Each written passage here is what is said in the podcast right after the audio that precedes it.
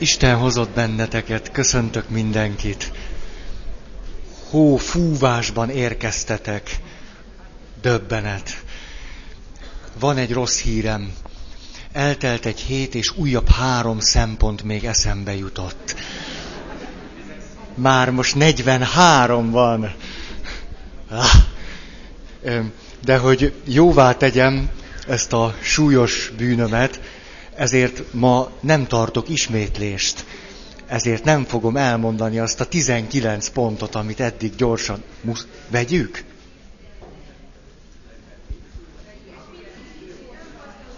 Egy kicsit a 19-et.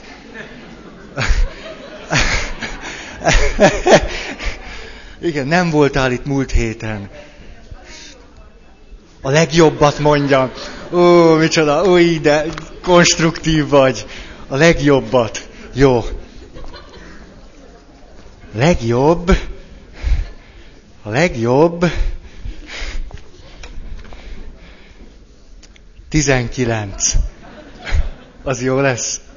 Nem tudom, de hát mindegy. Nem értjük, hogy Isten miért hagyta, hogy ez megtörténhessen velünk.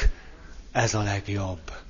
Ma az egyik legrosszabb, de de a pontok közül, hogy először teljesen benne vagyunk abban az örvényben, hogy miért, és akkor az Isten felé kiáltunk, és ki se látszunk a miért kérdésekből. Aztán utána ezek a kérdések, ahogy kezdünk gyógyulni, mint hogyha csillapodnának, és nem azt kérdezzük, hogy miért tette ezt velünk Isten, hanem már csak azt kérdezzük, hogy miért hagyta aztán utána már valami válaszunk is van, hogy miért hagyta. És legvégül ez az egész miért kérdés, mizéria valahogy nyugvópontra jut bennünk, és nem gondoljuk azt, hogy ha erre a kérdésre, hogy miért akarta Isten, hogy én így szenvedjek, erre muszáj találnunk egy választ, amire úgyse találunk választ, mert a kérdés a sebzettségből fakad. Maga a kérdés, ha megválaszolható, akkor benne maradunk a sebzett rendszerben. Ezért nagyon jó, ha eljutunk oda, hogy erre a kérdésre nem tudunk választ adni. Akkor járunk a legjobban. Ha rájövünk, hogy a kérdéssel van baj, mert az éppen a sebzettségünknek egy tünete. Á, ezért szívből kívánom nektek, hogy arra a kérdésre, hogy miért büntet engem Isten, ne tudjatok válaszolni. Az már nagyon jó jel. És hát ez akkor a uszas, Isten igazságtalanul büntet engem. Azt mondta egyszer nekem egy asszony, sírva, nem értem, hogy Isten miért büntet engem. Mit követtem el, hogy ezt érdemlem? Bár csak tudnám, hogy mit követtem el, de nem tudom. Ah, pontosan kifejezi ezt a, ezt a tanult tehetetlenséget, ezt a, az önmagába záródó kört és a saját farkába harapó kígyót. Jaj! Hmm. Ide tartozhat az is, hogy az ilyen hiány motivált életútban vergődő valaki, az könnyen mindig csak az őt ért sérelmeket tudja átélni. Azokat átéli, azok fölött jajong, és panaszkodik, és minden egyéb. Majd pedig, hogyha ő követel sérelmeket, akkor éli azt át, hogy így valamennyire az egyensúly most létrejött, de azokat igazából nem éli át. Az általa okozott sérelmeknek a fájdalmát nem éli át csak mindig azt éli át száz százalékig, ami vele történt.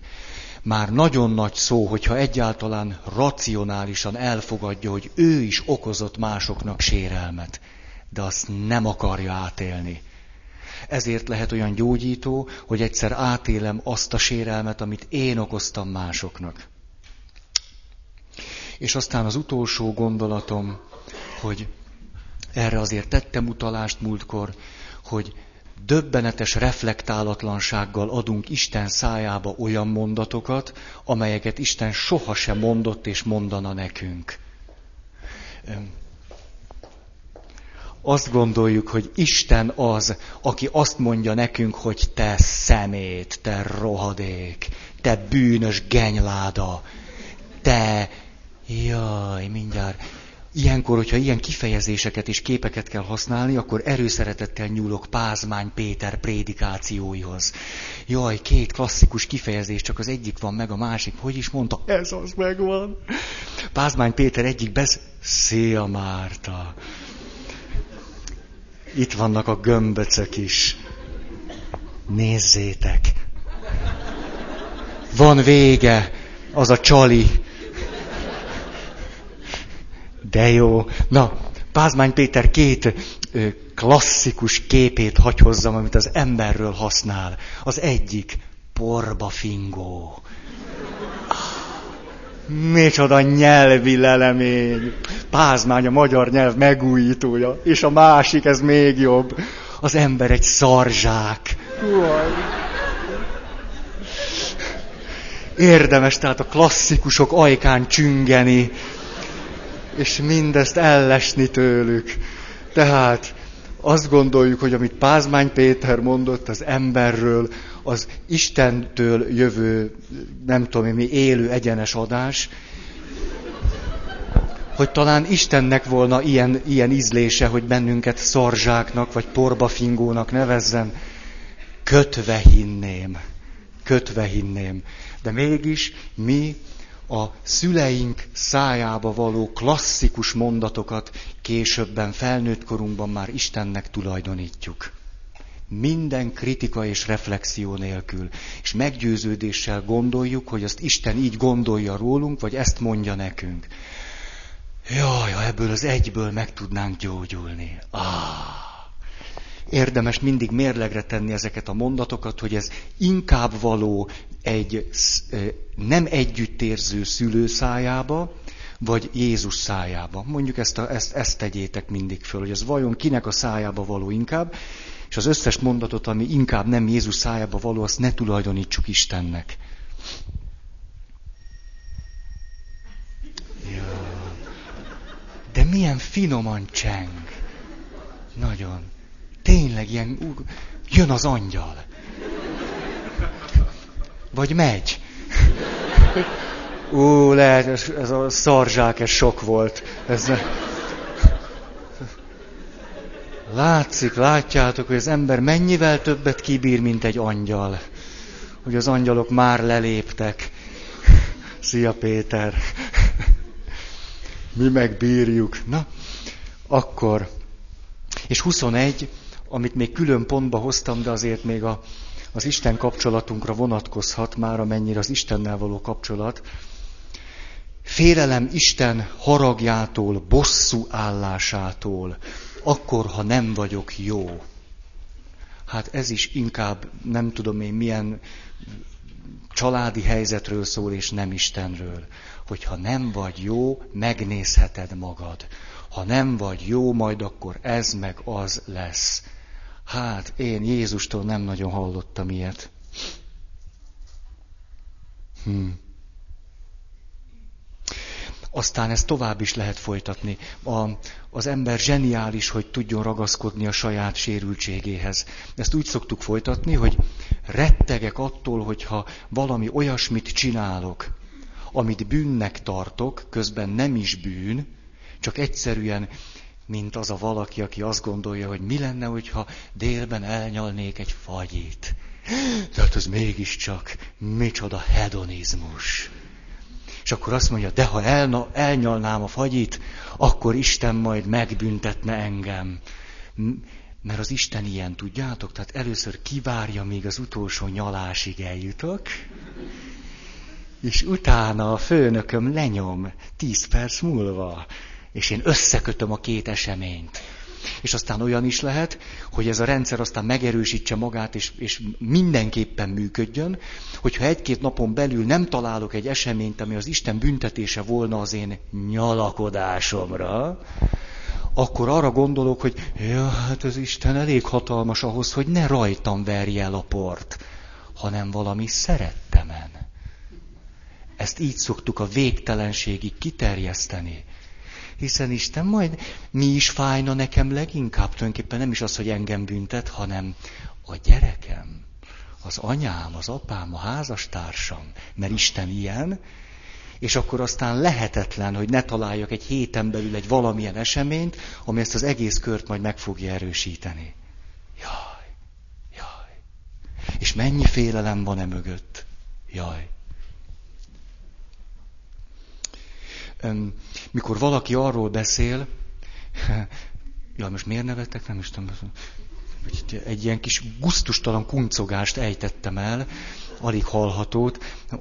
Az jutott eszembe, mikor valaki azt mondja, hogy jaj, atya, ez már a harmadik haláleset két éven belül. Hát Isten mit csinál még velünk? Ez klasszikus. Mikor összegerebjézek különböző életeseményeket, és ezeket összefoglalva Isten büntetésének tartom. Hát mit tegyek már akkor, hogy kiengeszteljem Istent? És akkor kiderül, hogy a három haláleset az olyan, hogy ilyen 25 iziglen rokona halt meg New Yorkban. De az a harmadik, és akkor ezt így összevonja egy csomagba, ugye ez már divatos, már csomagok vannak. Halálcsomag.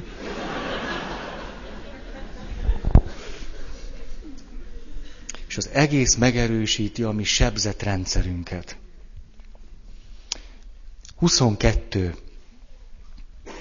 Függő helyzetek.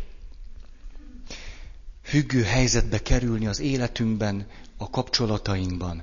Erről hosszabban szeretnék beszélni, mert a különféle képpen megvalósuló függő helyzetek klasszikus tüneteink. Hát arról már sokat beszéltem, mikor egy 60 éves férfi, 60 éves nő a saját 80-85 éves szülőjével olyan viszonyban van, mint amely kapcsolat mondjuk egy, egy 12 éves gyerek meg a 30 valahány éves szülőjével kapcsolatban oké. Okay. És akkor rádöbbenhetünk arra, tudjátok, hogy járok betegekhez, mert járok sokat családokhoz, áldoztatni, gyóntatni, mi egymás. És akkor látok ott egy 65 éves férfit, meg a 90 éves anyukáját, és látok egy végtelenül kiszolgáltatott, töpörödött, félig vak, mozgásképtelen nénikét, de ahogyan a fia beszél a saját anyjáról, ha nem látnám, hogy hogy néz ki az anyukája, hogy mire képes, meg mire nem, azt gondolnám, Istenről beszél a fia, nem pedig erről a néniről. Hogy milyen döbbenetes hatalommal ruházzuk föl a szüleinket, miközben már régen mi is felnőttek vagyunk. És hogyan félünk, és szorongunk, és rettegünk, és nem vagyunk szabadok egy általunk fölruházott hatalomtól rettegve. És akkor én oda megyek, és látok egy, hát egy, egy nagyon nyomorult kis nénit. Tehát olyan nyomorult, hogy de ő nem ezt látja, hanem valami egészen más lát. Ezért a legjobb kifejezés az, hogy most már felnőttként mi ruházzuk föl őt egy olyan hatalommal, amitől aztán mi félünk, és mi nem vagyunk tőle szabadok. Következő, 23. Aki a kapcsolatokat nem tudja lezárni, nem tud belőlük kilépni. Klasszikus formája. Katolikus lány vagy, 15 évesen beleszerelmesedsz egy 16 éves fiúba a B-ből. És hát akkor, miután már három év óta plátói vonzalmat tápláltál iránta, de egy HB-ben végül is mégiscsak egymás mellé keveredtek. HB. Házi buli. És akkor elkezd rügyezni a ti kapcsolatotok. És akkor eltelik egy év, és kettő, és három, és négy, és öt, és hat, és már úgy, úgy iszonyúan látszik, hogy hát, tehát már mindenki azt látja, hogy mikor hagyod már abba. Tehát ez ilyen első szerelemnek jól volt, de hát most már érted, és nem bír belőle kijönni. Nem. nem tudom, hogy melyik jobb, hogyha gyors házasságkötés, gyors vállás, vagy iszonyúan húzza, nyúzza, hat év, hét év, úgy érzi, hogy ott ki kéne lépni, de hát már olyan szépen alakul. Végül is már hét éve együtt vagyunk. És akkor ugye akkor, akkor talán megoldás lenne a házasságok. Elkezdi a, a lány nyomatni, hogy mikor veszel már el, te rohadék! Te, izé, hogy, hogy szokták ezt mondani? Te játszol velem, te... Elmentem 25 paphoz, és 25 azt mondta, hogy ezt nem lehet csinálni egy lányjal. Ilyet! Hogy nem veszel el. Hát, na, akkor elveszlek. Na, hát. 25 pap, meg a férfi ott van. Hát, az elég nyomasztó, nem? A, szóval tényleg nem tudom, hogy melyik a jobb. Ez klasszikus, és uh, hülyeségnek tartom, ilyen egyszerűen, ilyen paposan, hogy, hogy, hogy belekényszerítünk ilyen, ilyen kedves, aranyos fiatalokat, ilyen első megismert, és akkor gyerünk, mert ez annyira szép, és mi katolikusok vagyunk, és, és főleg, hogy a szülők ezt hogy tudják nyomatni, nem? Hogy de hát olyan szépek vagytok együtt, annyira jó rátok nézni. Jaj, nem már!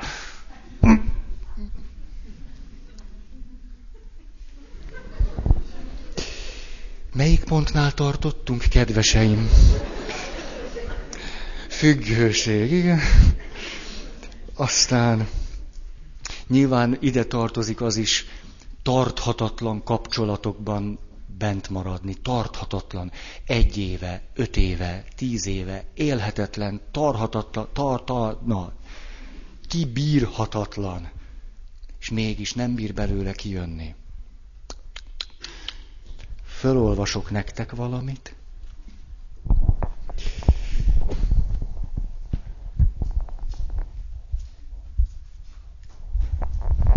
Ugyanis egy elmeorvos tévejgései című könyvet vettem minap. Én fedeztem föl, nagyon jó. Szóval, hogy lássátok, hogy mennyire érdemes nekem könyvet venni. A kísértet című opusz. A feleség haldoklik.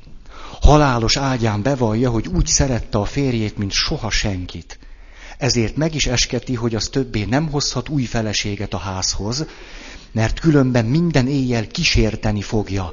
Attól a naptól kezdve nem lesz tőle nyugta. A férj fogadkozik, hogy úgy lesz, ahogy az asszony kívánja. Egészség!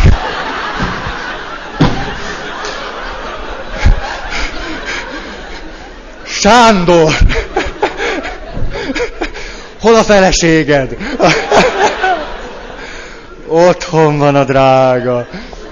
Na, fölhívhatod nyugodtan.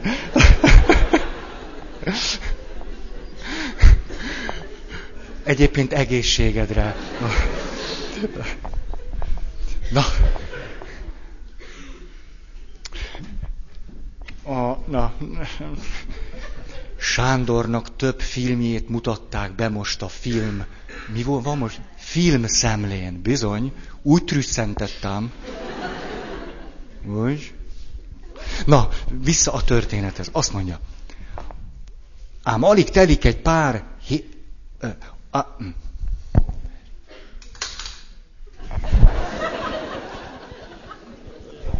Nehezen tudom ezt úgy értelmezni, hogy nem direkt volt. Na, azt mondja. Ám alig telik el pár hét a temetés után, Feleségül vesz egy falubéli nőt. Ez nem stimmel senkinél, jó? Mindegy. Aznap éjjel csak ugyan megjelenik a feleség szelleme. Dühösen a férj fejére olvassa, hogy megszegte esküjét.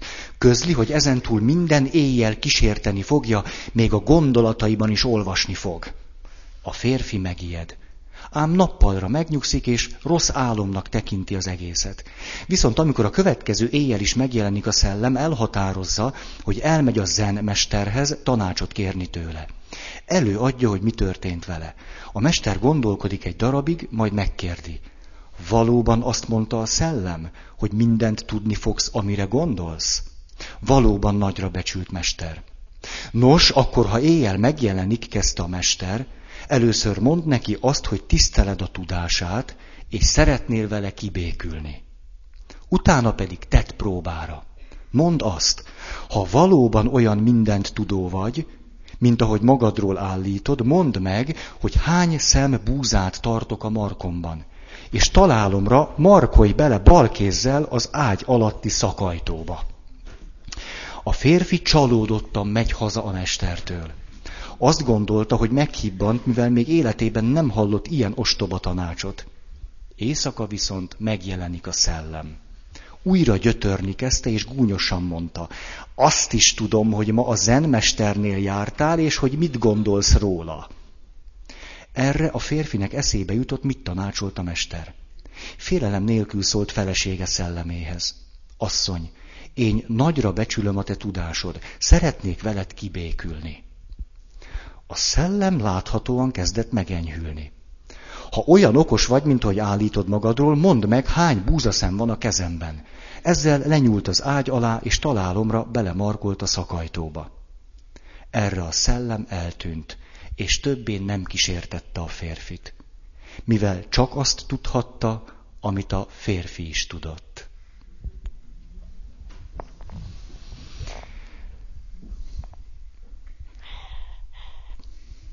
Vas József Pál te tudsz valamit. Van aztán itt egy záró mondat, csak ezt nem akartam gyorsan utána olvasni.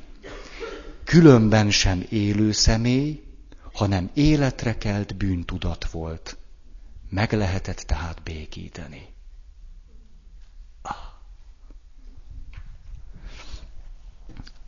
Tehát ez volt a 23 kapcsolatokat nem tud lezárni, belőlük kilépni. 24 nem együttérző magával. Ugye sokat ragoztuk, de most egy fontos mondatom lenne. Ez pedig így szól, hogy amikor nem vagyunk együttérzők magunkkal, amikor magunkra azt mondjuk, hogy, hogy akaratos vagyok, bűnös vagyok, rohadék vagyok, béna vagyok, csúnya vagyok, ügyetlen vagyok, lehetetlen alak vagyok, tididi, akkor valójában egyértelműen nem a saját szemünkkel látjuk magunkat, hanem a szüleink szemével, egy olyan helyzetből, amikor minket így láttak, hogy akaratos vagy, hogy lehetetlen vagy, hogy felesleges vagy, hogy rossz vagy, és a többi. Ezt a mondatot nagyon szeretném nektek sokszor aláhúzni. Valójában arról van szó, hogy nem látjuk magunkat a saját szemünkkel, hanem egy olyan valakinek a szemével, aki ott és akkor nem tudott velünk mit kezdeni. Ez pedig nem rólam szól, hanem róla. Arról, hogy ő ott és akkor emberként, szülőként, apaként, anyaként tehetetlen volt. És ezt a helyzetet úgy oldotta meg, mivel te egy kis pöty voltál, ő meg a nagy felnőtt, hogy azt mondta így, hogy rossz vagy nem került neki sokba. És akkor ezt szép lassan megtanultuk, és folyton folyvást ezzel a szemmel nézzük magunkat. Jaj, de jó lenne ehhez nem ragaszkodni. Tök fölösleges, értelmetlen. És nem kényszeríti már ránk senki. Csak mi daráljuk ezt továbbra. Érdemes gyógyulási folyamat amikor mondasz egy, egy-egy ilyen mondatot, főleg, hogyha valami eredeti mondat pattan ki a fejedből magadat gyalázva, kérdezd meg, hogy ezt vajon ki mondhatta. Kérdezd meg ezeket. Ez kinek a mondata? Ez a mondat kinek a szájából való? Vagy kinek a szájába adnám leginkább? És akkor kiderül, hogy ez nem a mi szánkba való mondat, csak mi mondjuk magunknak. Ez valaki másnak a mondata 50 évvel később, vagy előbbről. Későbbről? Feri. 25. Haha. Az a meggyőződés, hogy a jelenben kell élni, és nem kell vájkálni a múltban. Jaj. Ezt olyan sokat hallottam. Hülyeség, hát a jelenben, és, ezt, és akkor gyönyörű ideológiákat gyártunk ehhez, hogy hát a jelenben kell élni, mert egy zenemester is azt mondta, hogy élj az örök jelenben, és ezért nem vájkálok a múltba, csöpögök a neurózistól, de nem baj. Én a jelenben élek, és mi ez a kis tócsa? Ah.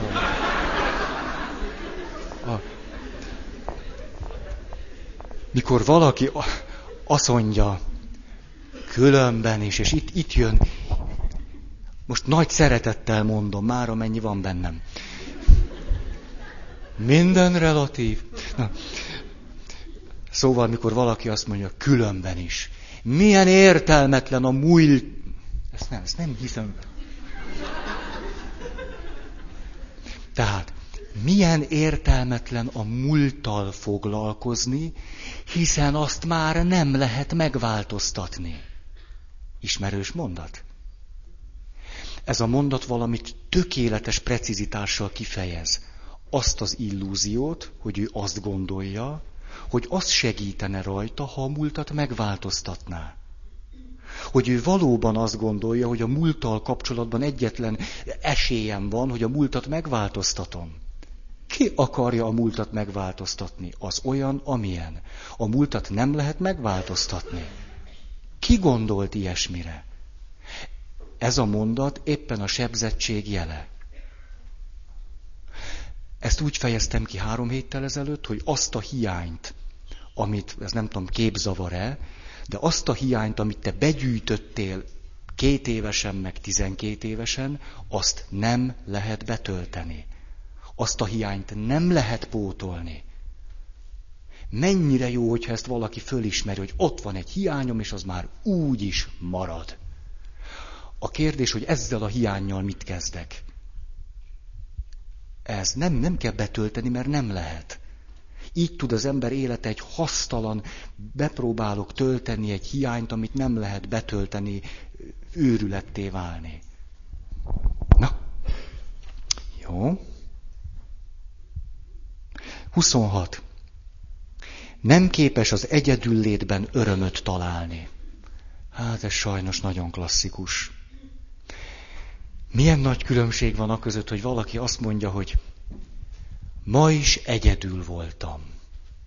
Vagy azt mondja, a mai délutánt magammal töltöttem. Na, jó kis különbség van a kettő között. Egy hiánymotivált ember, ha magával van, akkor egyedül érzi magát.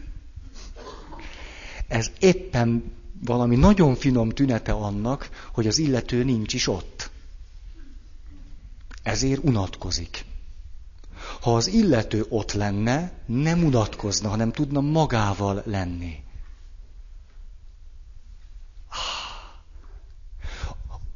Ez azt jelenti, hogy van egy fontos részeitől lehasadt énecske, egy sebzett kis szűk énecske. Na ná, hogy ezzel a szűk kis énecskével nem egy nagy kaland együtt lenni. Csak hogy ő valójában nem ez a valaki. És amikor egyszer csak rájön, hogy ő annál több, akkor tud magával lenni. Együtt lett, na, együtt lenni magammal. Ez tök jó dolog. Semmi köze a magányhoz. Hm.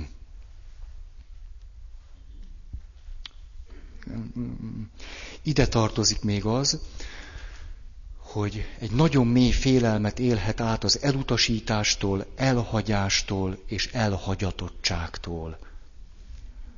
És hogy mondom ezeket a szavakat, hogy elhagyatottság, elutasítottság, nem, de egy kisgyerek jut eszünkbe. Mert egy felnőtt, amikor őt ott hagyják, vagy elhagyják, ő attól még életképes. Egy gyerek azonban, ha őt ott hagyják és elhagyják, akkor abba ő beledöglik. Ha valaki azt gondolja, hogy ha őt elhagyják vagy ott hagyják, akkor ő beledöglik, akkor az egy gyereknek a sebzettsége. Egy visszaemlékezés egy gyerekkori helyzetre, amiben jogos volt azt gondolni, ha te elhagysz engem, abba én bele fogok pusztulni. De ez már nem így van. És amikor valaki egy, egy tarthatatlan helyzetből ki tud lépni, ez lehet egy munkahelyváltás is. Hogy valaki 15 éve, meg 25 éve ugyanazon a munkahelyen viseli el a nem tudom én micsodát. És egyszer azt mondja, hogy és ebből ki lehet lépni. És a világ, na, megy tovább. De jó.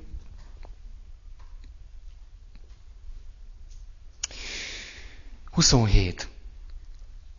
Vágyik másokra, de ezt nem képes kifejezni vagy beteljesíteni. Ez a gyereknek vagy a serdülőnek a tipikus élethelyzete. De szeretném, ha valaki észrevenne, mondja a serdülő. De szeretném, ha a szerelmem, akibe így meg úgy, de sosem merem neki mondani, egyszer csak bekopogna, becsöngetne, bezörögne, bemászna az ablakon, fölmászna a harmadikra, bemászna a kulcsukon, vagy leereszkedne a kéményen át, és puf megjelenne, és mert én magamért nem tudok semmit sem tenni. És akkor még a kisgyerekről nem is beszéltünk. Aki szeretne kapcsolatot az anyukájával, de az anyukája azt mondja, hogy most az anyuci nem ér rá, és kimegy 22 évre a szobából. Ez elég nehéz helyzetbe sodorja a kisgyereket, mert nem tud még járni. Mert ő odáig jutott, hogy az egyik oldaláról tud a másikra fordulni. Akkor nem fog tudni utána menni az anyukájának. Amikor, na, jaj, ez, ez a másik, mikor látod, hogy mikor jönnek már össze. Na, ismerős ez a helyzet. Látsz két ilyen aranyos, vagy lehet, hogy nem aranyos, de miért? Sajnáljuk tőle a, tőlük a szerelmet? akkor vegyünk két egyáltalán nem aranyos embert, két kibírhatatlan embert, egy férfit meg egy nőt, és de azért azt láthatjuk rajtuk, hogy itt kerülgetik egymást. És jobbról, bas, már nagyon kerülgetik, már, már mindenki őket kerülgeti, mert már... Tehát, mert ha egyedül így állnának, akkor ki lehetne őket könnyen kerülni, de ők egymást kerülgetik, és nem lehet tőlük elférni mikor jöttök már össze? Már, már, nem? Ismerős ez? Gyertek már össze! És amiért ő benne ott van az a félelem, a tartás, a szorongás, a nem, mert, mert azt mondhatja, hogy nem. Aki, aki megsebződött gyerekkorába, az attól a lehetőségtől, hogy ő odaáll a másik elé, és azt mondja, hogy te,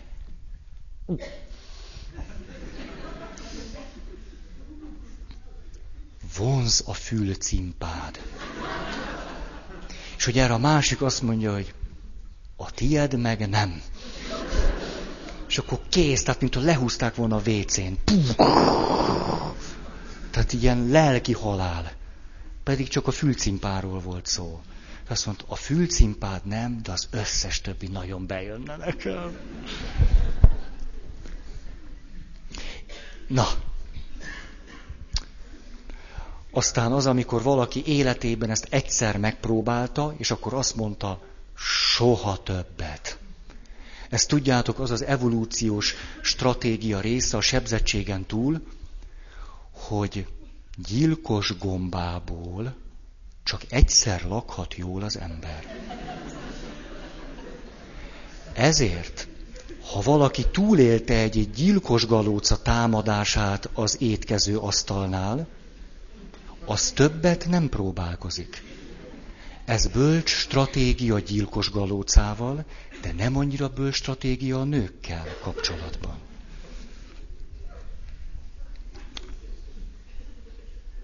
Nagyon tudok, ugye? 28.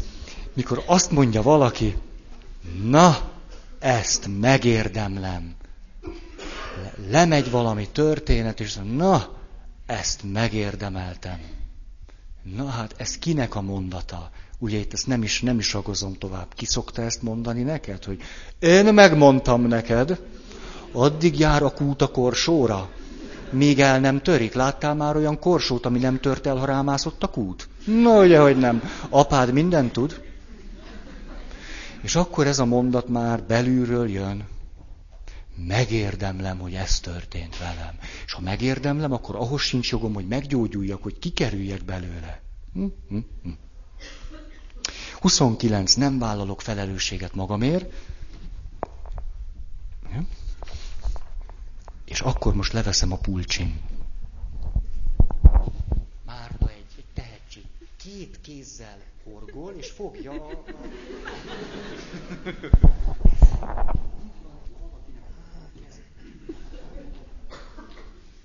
Taníts meg erre. Jegyzeteim? Na, harminc. Ja, hát biztos ettől ijedtem be. Kedvünk lenne néha perverznek lenni. No csak, no csak, Feri atya. Gyónik? Nem tudom, hogy ez ikes ige-e. Gyón vagy gyónik? Nem tudom, de az biztos, hogy a, a palóc úgy szokták mondani, mert olyan mindig, mindig valamit hozzá kell tenni. Tehát tudjátok, a palóc nénik a magyar nyelvet cifrázzák. Az nagyon szép. És akkor az nem úgy szól, hogy jónik, hanem gyvónik. Értitek? Van ott egy V betű. Gyvónik. Jöttem gyvónni. Annyira jó. Na, Szóval, akkor itt egy picit hadd beszéljek erről. Azért, mert, na, amikor pici babák vagyunk, kicsik, akkor volna egy költői kérdésem. Mi az az út, az a mód, amin keresztül megtapaj... Ez hihetetlen. Szám, szám. Most egy megbeszélem a számmal ezt a dolgot. Most szeretem őt egy kicsit. Gyengéden megnyaltam. Jól esett neki. Azt mondta, hogy igyekszik. Jó. Szóval, ez nem kell. Mert hiszen kisgyerek vagyok, még nem tudok olvasni. Tehát ott vagyok pici babaként.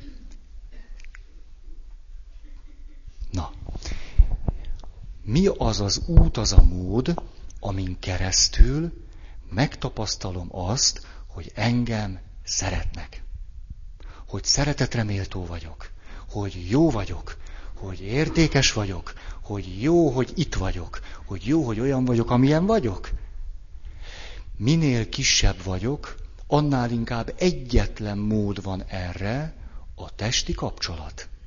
Ez az egy mód van rá. Most azt, hogy csak ez az egyet, picit tegyük ezt idézőjelbe. De minden a testi kapcsolaton keresztül jön. A mindent mondjuk tegyük egy kicsit megint idézőjelbe. A gondoskodás, a táplálás, a simogatás, a szeretgetés, minden ezen az úton, módon megy. Most képzeljünk el valakit, aki éppen magzatikor egy éves, két éves, mondjuk három éves és nagyon sok hiánya van abból, hogy egy másik ember testén keresztül átélhesse azt, jó, hogy vagyok, értékes vagyok, szerethető vagyok. Egy ilyen ember, ha ezekből a hiányaiból nem gyógyul ki, akkor nagyon könnyen, és ezt most ilyen slendriánul mondom, felnőttként szexmániás lesz. Ennek sokféle formája van, a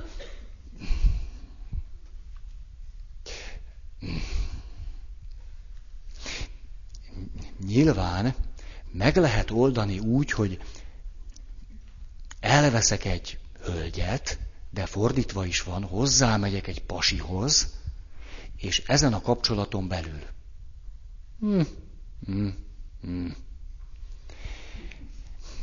Nehéz elképzelni, hogy két olyan ember, akik jól egymásra találtak, és pici kortól kezdve hozzák a rettentő nagy hiányaikat, hogy ők egymással olyan intim és bensőséges kapcsolatban tudnának lenni, hogy hosszú távon képesek lennének föntartani a szexuális kapcsolatuknak azt a minőségét, ami mind a kettejüknek megfelel.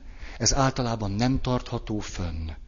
Amíg a szerelem tart, addig plődörörörő, és aztán mélyrepülés. Ilyenkor, ha, muszáj valahogy a testen keresztül tapasztalnom azt, hogy mégiscsak szerethető vagyok. Mert ezt a hiányomat akarom betölteni, amit 15, 25, 35, 55 éve szereztem. És akkor kapunk egy olyan nőt, akinek az lesz az árszpoétikája, hogy, hogy leveszem a pasikat a lábokról.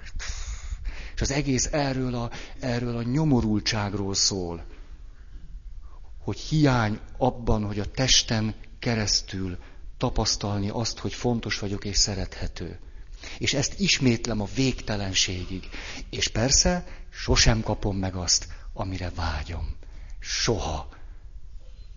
Mert nem a szexuális kapcsolatra, mint olyanra vágyom, hanem arra, hogy ezen keresztül egy picit megsejthessek abból, hogy jó vagyok, hogy szeret valaki. És persze ez nincs így. Mert minél több partner, és akkor nyilván innen már csak egy lépés, aki, aki még jobban ebben van benne, akkor az meg elmegy kurvázni. Tökéletesen érthető, ha ez az egy lehetőség, testi kapcsolat átélni, átélni, hogy, hogy van nekem, de nekem van. Nagyon érthető, hogy, hogy miért történnek meg ezek a lépések még egy verzió szokott lenni, ami ugyanilyen korántól indulhat el, veszi kezdetét, ez pedig a kaja. Nyilván, kaja. Tehát iszonyat sokat enni, vagy iszonyat keveset enni.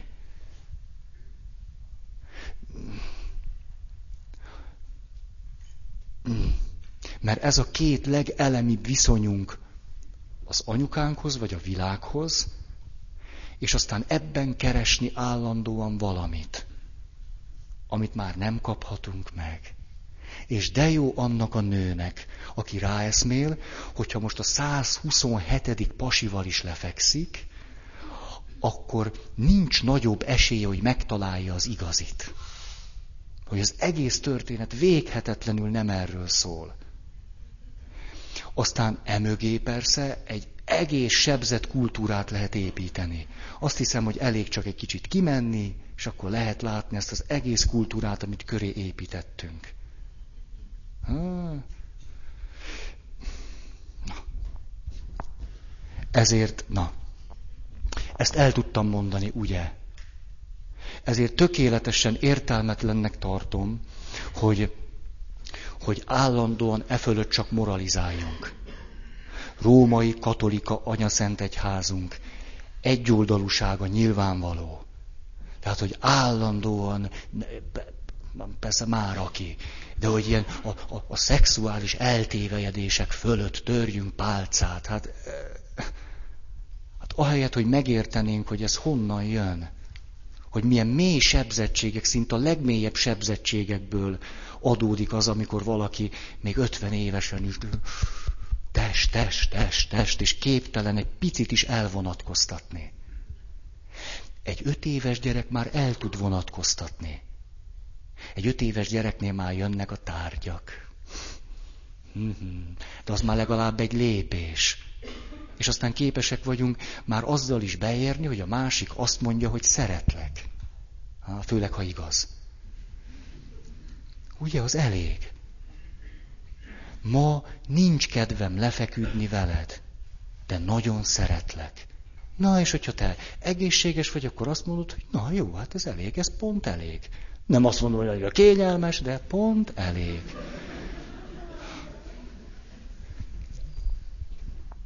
Ezért ez a, ez a hülyeség, jaj, de tudok indulatos lenni, ah, ez a klasszikus férfi-nő helyzet. A férfi több szexet akar, a nő meg beszélgetni akar. És akkor, jaj, na mi is belekerültünk ebbe a klasszikus helyzetbe. A nő először beszélgetni akar, és akkor utána tud velem lefeküdni. Én meg először le akarok vele feküdni, hogy utána tudjuk vele beszélgetni. Hát ebből már sose jövünk ki. Hát ha ez szexuális probléma, én megeszem a könyököm. Ennek ahhoz semmi köze.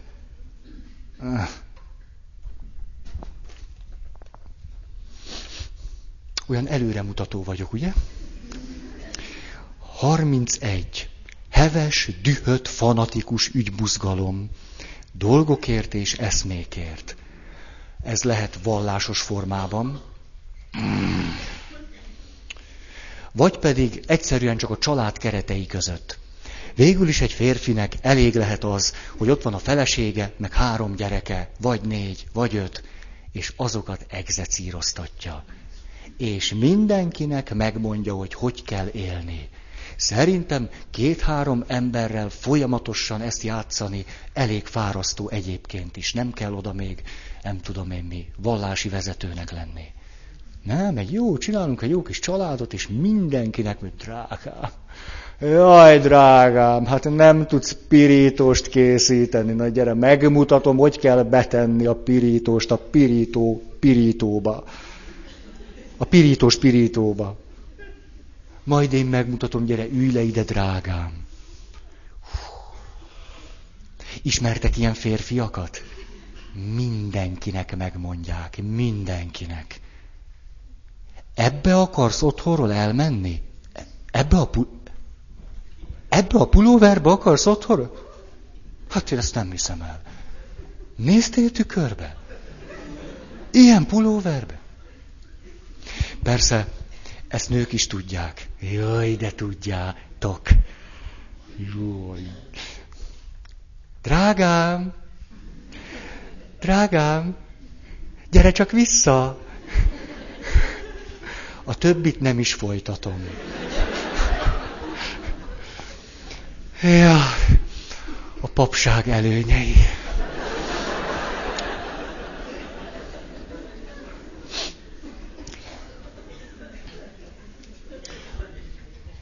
Harminckettő.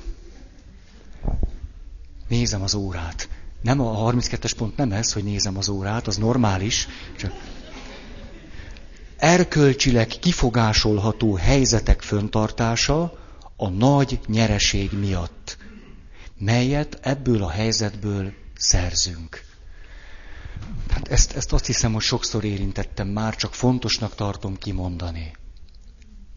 Amikor olyan mély, mondjuk keresztény berkekben ezt úgy látom, hogy, hogy valaki a végtelenségig feszíti az akaratát, a végtelenségig elhiszi, hogy, hogy, hogy az akaraterővel mindent lehet, mert az embernek csak akarni kell, és Isten kegyelme majd még segít. De semmit nem kezd a sebzettségével, semmi, csak akaraterő. És van egy sebzett én, ahhoz tartozó akaraterővel és akkor egyszer csak elfogy az összes ereje, és belemegy egy helyzetbe, amiből kap olyasmit, amiből aztán nem tud kijönni. Mert ott végre megkapom azt, amivel kapcsolatban véghetetlen nagy hiányaim vannak. Ezt tipikusnak mondhatjuk. Tipikusnak. Nehezebb, de jobb, hogyha elkezdjük magunkat gyógyítgatni. Ez tűnik jobbnak. Most képzeljük el azt, hogy amikor valaki, egy keresztény ember, egy meggyőződéses protestáns, jaj, ketten fölkapták a fejüket, egy meggyőződéses katolikus belemegy egy olyan helyzetbe, amiről pontosan tudja, hogy erkölcsileg kifogásolható hogy amögött milyen hiányok vannak. És a hiányok mögött milyen sebek vannak. Lehet moralizálni, csak semmi értelme nincs. Mert az illető már egy éve, tíz éve, ötven éve moralizál önmaga fölött. Mindezt Isten nevében teszi. Ez nem fog rajta segíteni, hanem az, hogy egy kicsit visszamegy, de nem csak a hiányig, hanem a hiány eredetéhez. És ott kezdi el gyógyítgatni magát.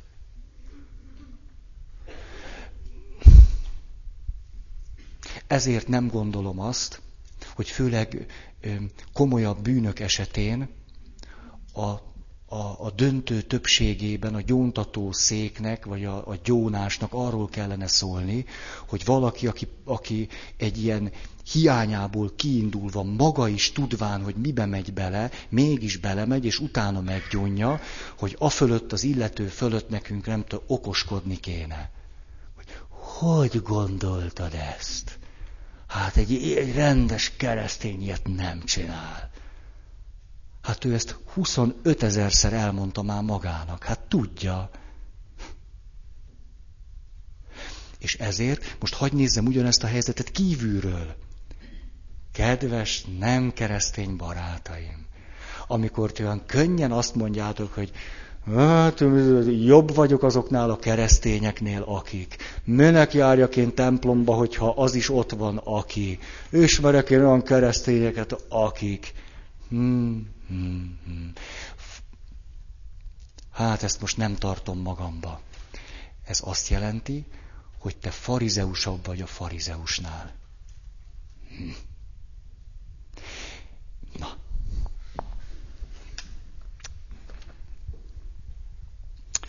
Harminchárom. Perfekcionizmus és maximalizmus. Klasszikus pár. Félelem tévedéstől, kudarctól, gyöngeségtől, mi a legkisebb hibától. Már azt a hibát vétek, azt a képzetet kelti bennem, hogy tragédia történt hogy tilos hibát elkövetni. Félelem a másik véleményétől, kritikától. A kritika az olyan, mintha megsemmisüléssel fenyegetne valaki. Néhány héttel ezelőtt ültem egy csoportban, és akkor éppen a csoportnak a rendszerfejlesztését végeztük. És a csoport rendszerfejlesztése kapcsán eljutottunk oda, hogy mi volna, hogyha 30 év után először elmondanánk egy-két őszinte mondatot egymásnak, és az őszinte mondatoknak most az elejét hagyjuk, hogy miért szeretlek, és kezdjük rögtön ott, hogy mi esik nehezemre veled kapcsolatban. Hogy mi az, ami nekem nehéz a veled való kapcsolatban. És tudjátok, amikor rám került a sor, tudják, hogy én milyen brutál vagyok. És akkor néztem körbe, mindenkinek mondtam valamit.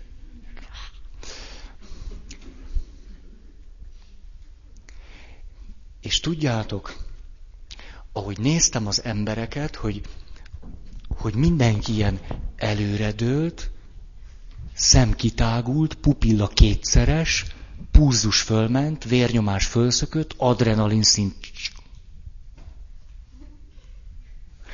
Van erről élményetek? hogy amikor valaki azt mondja, hogy te, nekem veled kapcsolatban az a nehéz, vagy valami, és így, tehát ez körülbelül mamut támadásával egyenértékű fenyegetettségi reakciót váltja ki belőled. Minden izmodat megfeszített, hogy, hogy, hogy, hogy ami elhangzik, azt képes legyél valamennyire, valamennyire elviselni. Túlzok? Dehogy. Dehogy. Csak néztem tükörbe máma is. A, Hát erről beszélek. 34. Ez fog nektek tetszeni. Állandó tevékenység és aktivitás. Néhány példát le is írtam. Moziba járás. Tévézés. Szerencsejáték. Pénzszerzés. Pénzköltés. Ezek így párba legjobbak. Alvás, beszédkényszer, ezt nehéz egyszerre. Viszont a következőt lehet párosítani, beszédkényszer és telefonálgatás, veszélykeresés, azt a telefonálgatással is lehet párosítani. Vallási túlbuzgóság, azt pedig mondjuk a beszédkényszerrel lehet párba hozni, papoknál főleg. Aztán, főleg hölgyeknél, aztán vannak ilyen, ilyen nem specifikus pótcselekvések. A nem, az nem az, hogy igen, nem, hanem... Hm? Tehát például nőknél takarítás. Ah, az nagyon megy nektek. Ki, ö,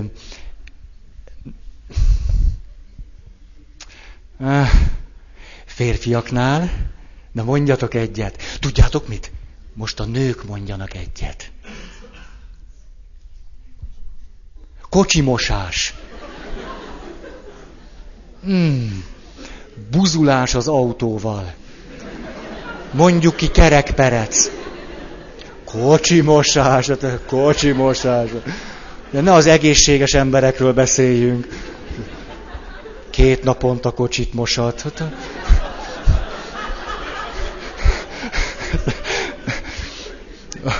Tudjátok, a, aki buzul az autójával. Én elnézést, ne, ne, nem, akar, nem akarok senkit sem megsérteni. Tehát, tehát, de hogy melyik filmben volt, azt hiszem a Kojak Budapesten. Én elég régi motoros vagyok. Ugye ott, ott, volt, ott volt egy ilyen, egy ilyen szereplő, aki, aki ilyen ponyvával letakarta a, a zsigáját, ugye? Vagy a mit tudom mit, a kockalada, akkor nem is volt kockalada, még a négy lámpás, a, az 1005-öst.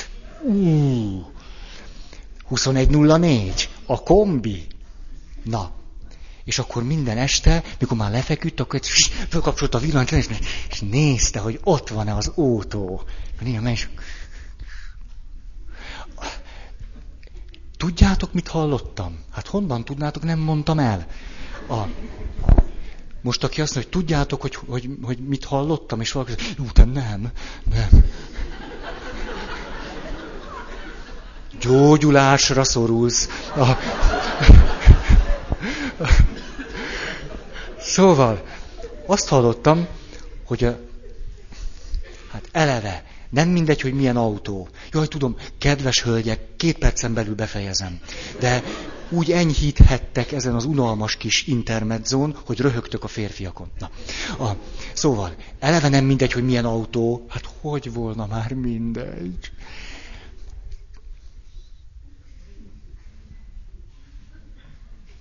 Most az a baj, most mondok egy példát, és akinek olyan autója van, de, de, de tessék, de, de muszáj olyan autót mondani, mert az egész, egésznek nem jön ki a poenja. Tehát most akkor értitek, tehát személyeskedés nincs, most csak mondom. Tehát, ez egy probléma nagyon semleges hangon. Terepjáró. Na és azt hallottam, hogy az Egyesült Királyságban lehet olyan sprét kapni, hogy miután napi 24 órát dolgozik, de terepjáró függő, ezért a terepjáróval nem tud kimenni terepre, viszont a terepjáró arra való, hogy terepre menjen, és ezért lehet kapni sár sprét.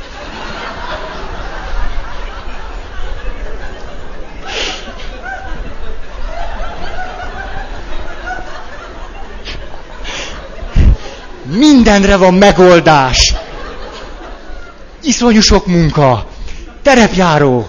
Sár, sprésár, szexsár, sprésár, szár, szex, sprésár.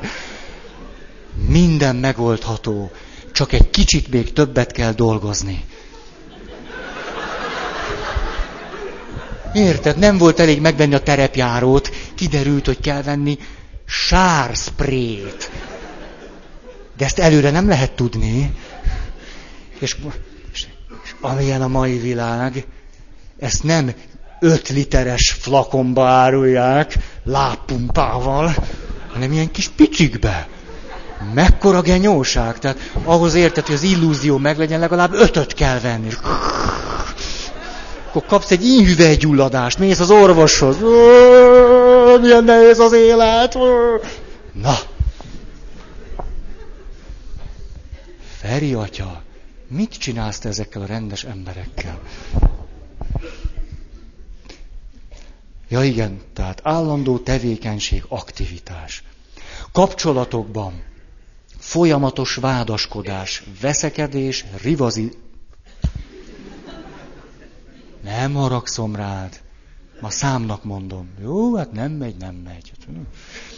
Rivalizálás, aggodalmaskodás, sírás, ítélkezés, hibáztatás és sértődés. Ezeknek az egyvelege. Ri, ri, ri, ri. Lényeg, hogy történjen valami. És végül egy másik kedvencem, tanulásmánia. Mindig valamit új tanulni kell. 25. diploma. Mert anélkül, mert úgy van, hogy amikor a diploma osztón vagy, és átveszed a diplomát, és addig a tíz másodpercig, amíg le nem ülsz, azt érzed, hogy na, értékes vagyok. És akkor leülsz, és látod, hogy egy másik ember is kapott egy ugyanolyat.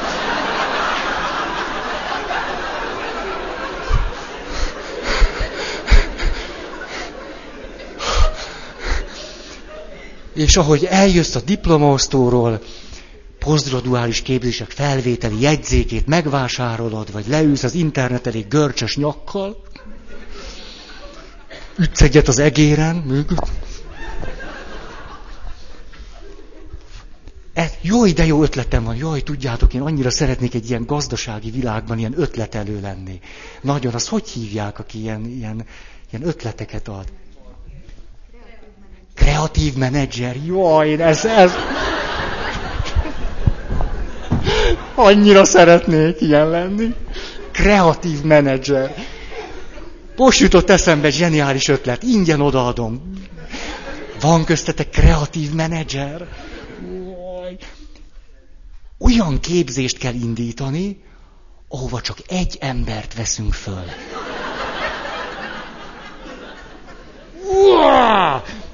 Na azt a diplomát überolja valaki de csak úgy ér, hogy akreditáltatod.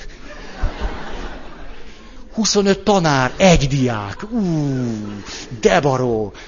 Például nagyon kevés konfliktus lesz a csoportmunkánál.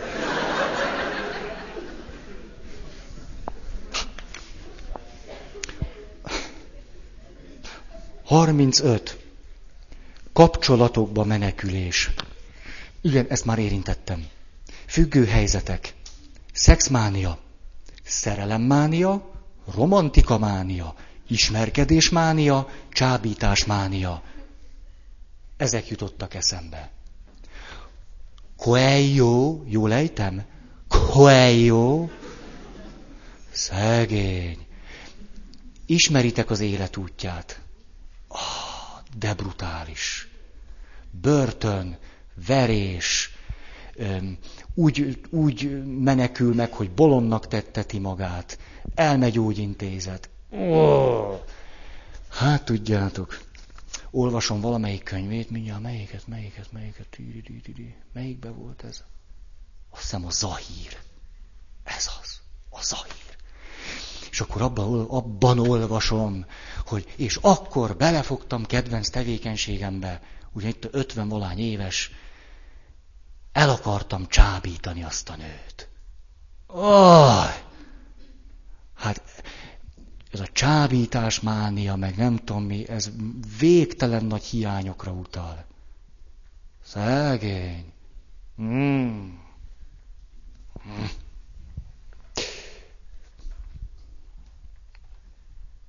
Aztán, jó, ezt így írtam. Amikor valaki állandóan hangulatokat üldöz. Mindig valamilyen hangulatban kell lennie. Elneveztem őt hangulatvadásznak. Rengeteg pénzt lehet költeni hangulatvadászatra. Nagyon drága vad a hangulat. Iszonyú sok mindennek össze kell jönnie, hogy kijöjjön belőle a kívánt hangulat, és tényleg olyan, mint a legnemesebb vad, hogy egy picike kis malőr, és a vágyva vágyott hangulat elillan. Ismerős ez? Gyertyafényes vacsora, ahhoz megfelelő bor, de a bor megfelelő pohárba, és megfelelő pincérrel, és megfelelő asztalon, és megfelelő helyen, és megfelelő árban, és akkor egyszer csak a másik asztalnál ül egy általános iskolai osztálytársad. akivel 74 évvel azelőtt volt egy kis konfliktusod. Elvette a radír gumidat. És ettől az egész este csapva van. Ez már nem az az este. Ötven éve akartam egy szép, hangulatos estét, és valahogy sose jön össze. Elillan, mint a gyorslábú szarvas.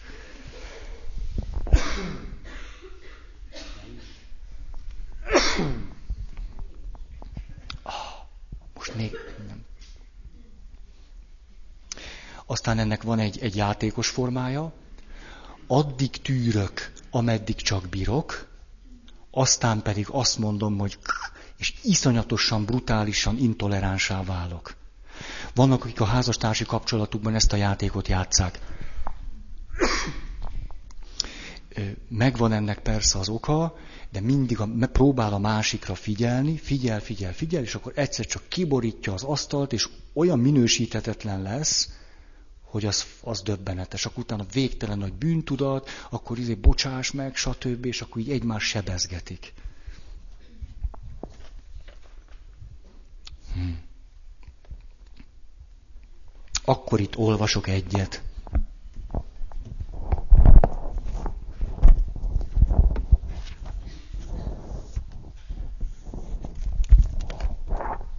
Előtte azonban elmondom a pontot. Nem csak személyekkel kapcsolatban lehetünk függő helyzetben, na, anyagok, szerek. Az egy másik klasszikus út. Kávé, tea, hogy ne rögtön az alkohollal kezdjük. Teamánia, kávémánia.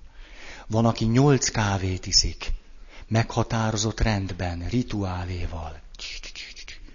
Aztán kábítószer, alkohol, füvezés, mi egymás. Nagyon, vagy gyógyszerek, a gyógyszer is jó. Szerek, anyagok. Na ezzel kapcsolatban egy történet. A gyógyítás spiritusza. A spiritus kettős jelentéssel bír. Szellem és szesz. Hogy mire képes a szesz szelleme, erre tanult kollégám esete ad pompás példát. Amikor hipnózissal kezdett gyógyítani, a főnöke rábízta egy középkorú alkoholfüggő férfi kezelését, akinél már minden pszichoterápiás módszert grip... Szegény, milyen fáradt vagy ma. Na. Igen, módszert kipróbáltak eredmény nélkül. Ebben az időben a paciens ambuláns betegként járt vissza az osztályra. Kollégám elhatározta, hogy hipnózisban viselkedés terápiás módszert fog alkalmazni. Abban bízott, hogy a szuggessziók elég hatékonyak lesznek az ivási kényszer leküzdéséhez. Először is szerette volna elérni, hogy a paciens ne menjen be a kedvenc korcsmájába. Az első hipnózis során elképzeltette vele, hogy megy az utcán az ivó felé. Odaér, kinyitja az ajtót, megcsapja a jellegzetes szag. Ettől olyan hányingert kap, hogy inkább bezárja az ajtót és tovább megy. A hányinger megszűnik, és a paciens, mert kiállta a próbát, megjutalmazza magát egy szelek csokoládéval. Néhány nap múlva megjelenik a paciens. Ragyogó arccal közli, hogy a kezelés nagyon hatékony. Valóban vonzotta az ivás vágya a korsma felé, ám amikor odaért és kinyitotta az ajtót, megcsapta az orrát a jellegzetes szag. Hihetetlen dolog történt. Hány inger fogta el? Ahogy a hipnózisban elképzeltette vele a doktor úr. Se akkor, se utána nem hitte el, hogy ez valóban bekövetkezhet. Irgalmatlanul rosszul lett. Befogta az orrát, hogy ne érezze a szagot. És gyorsan meg kellett inni a három felest, hogy elmúljon a hány ingere.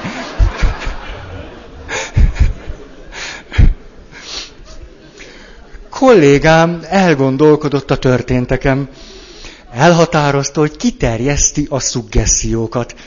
Ennek megfelelően a második hipnózisban azt képzelteti el a beteggel, hogy amikor a hányingert leküzdendő megfogja a pálinkás poharat, ujjai elgyengülnek és kiejti azt a kezéből. Az erő csak akkor tér vissza a kezébe, ha kimegy az ivóból. Néhány nap múlva jön a kliens. Nem győz hálálkodni, hogy ilyen fantasztikus eredményt értek el a hipnózis kezeléssel. Neki egyedül ez biztosan nem sikerülhetett volna. Mert képzelje el, doktor úr, most is megyek a korcsma felé. Kinyitom az ajtót, megcsap a szag. Rögtön hány ingerem lett. Be kellett fognom az orrom. Oda bent meg csak néztek, na ennek megint mi baja van. Kikérem az italt, és erre mi történik? Kiesik a kezemből. Pontosan úgy, ahogy a doktor úr mondta, mikor hipnózisban voltam. Az egyik haverom itatott meg gyorsan három felessel, hogy elmúljon a hány ingerem. El is múlt. Örömömben két kört fizettem a törzs vendégeknek. Amikor meghallották, hogy mindez a kezelés eredménye, úgy érezték, hogy eljött az ő idejük, ez a csodadoktor őket is ki fogja gyógyítani az iszákosságukból. Annyira elérzékenyültünk minnyájan, hát erre inni kellett. Rettenetesen berúgtunk.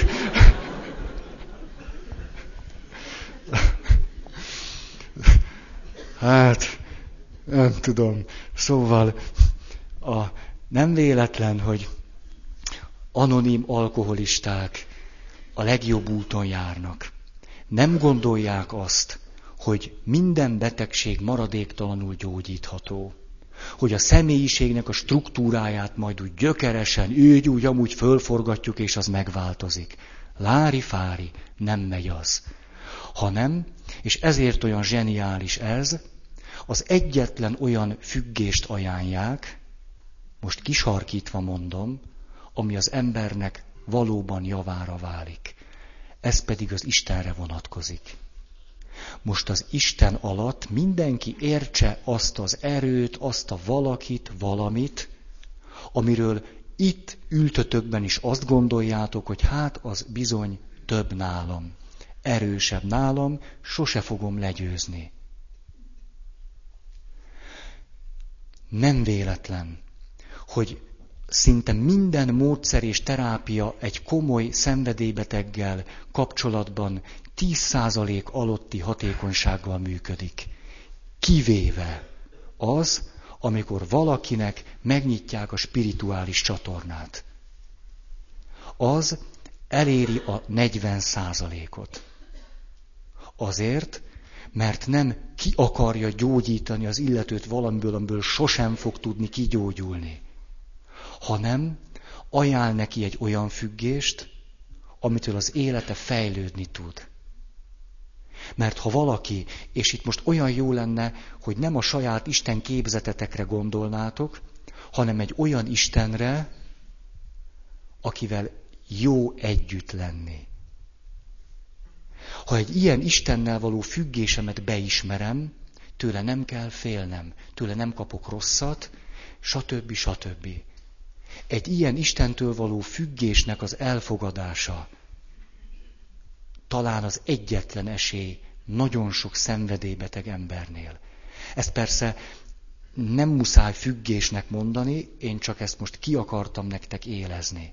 Azért, mert nehogy azt gondoljuk, hogy azért beszélek én, vagy hogy az volna a cél, hogy teljesen meggyógyuljunk. Ez ugyanis lehetetlen nem tudunk teljesen meggyógyulni. Főleg akkor nem, hogyha nagyon pici korban történt a sebzettség. Egy valamit tudunk tenni. És ezt most direkt így mondom. A sebünkön keresztül kapcsolatba tudunk kerülni Istennel nem az egészséges részünkön keresztül, nem mindazon keresztül, amire egy kicsit is büszkék vagyunk, nem a teljesítményeinken keresztül, meg a sikereinken keresztül, hanem a sebünkön keresztül. Én magam nem sok más esélyt látok. És tudjátok, itt egyszer csak ide potyan elénk a katolikus misztika mikor elkezd a katolikus misztika arról beszélni, ami a ma embere számára a legnagyobb baromság és blablabla bla, bla, és szentimentalizmus és, és hülyeség, hogy Krisztus sebeiből élő vízforrások fakadnak. Ez olyan erejű jelképe annak, amiről beszélek, hogy ennél jobban ezt ki sem lehet mondani. a saját sebeimből, amelyek talán sosem fognak meggyógyulni, élő víz forrásai fakadnak. Ah. Rengeteget vívódtam azon, hogy Jézus miért mondja azt. Nézd, jobb félszemmel bemenni a mennyek országába, mint mint így, úgy, amúgy, bűnösen, rohadékként, akármiként. Jobb, ha levágod a félkezed, és úgy mész be a mennyek országába. Én ezt a néhány mondatot szívből utáltam. Mintha Jézus nem akarná azt, hogy valaki egészséges legyen, vagy gyógyuljon. És aztán rájöttem, hogy itt a legfontosabb dolgok egyike kerül kimondásra, ez pedig az, hogy nem tudunk minden nyavajánkból kigyógyulni.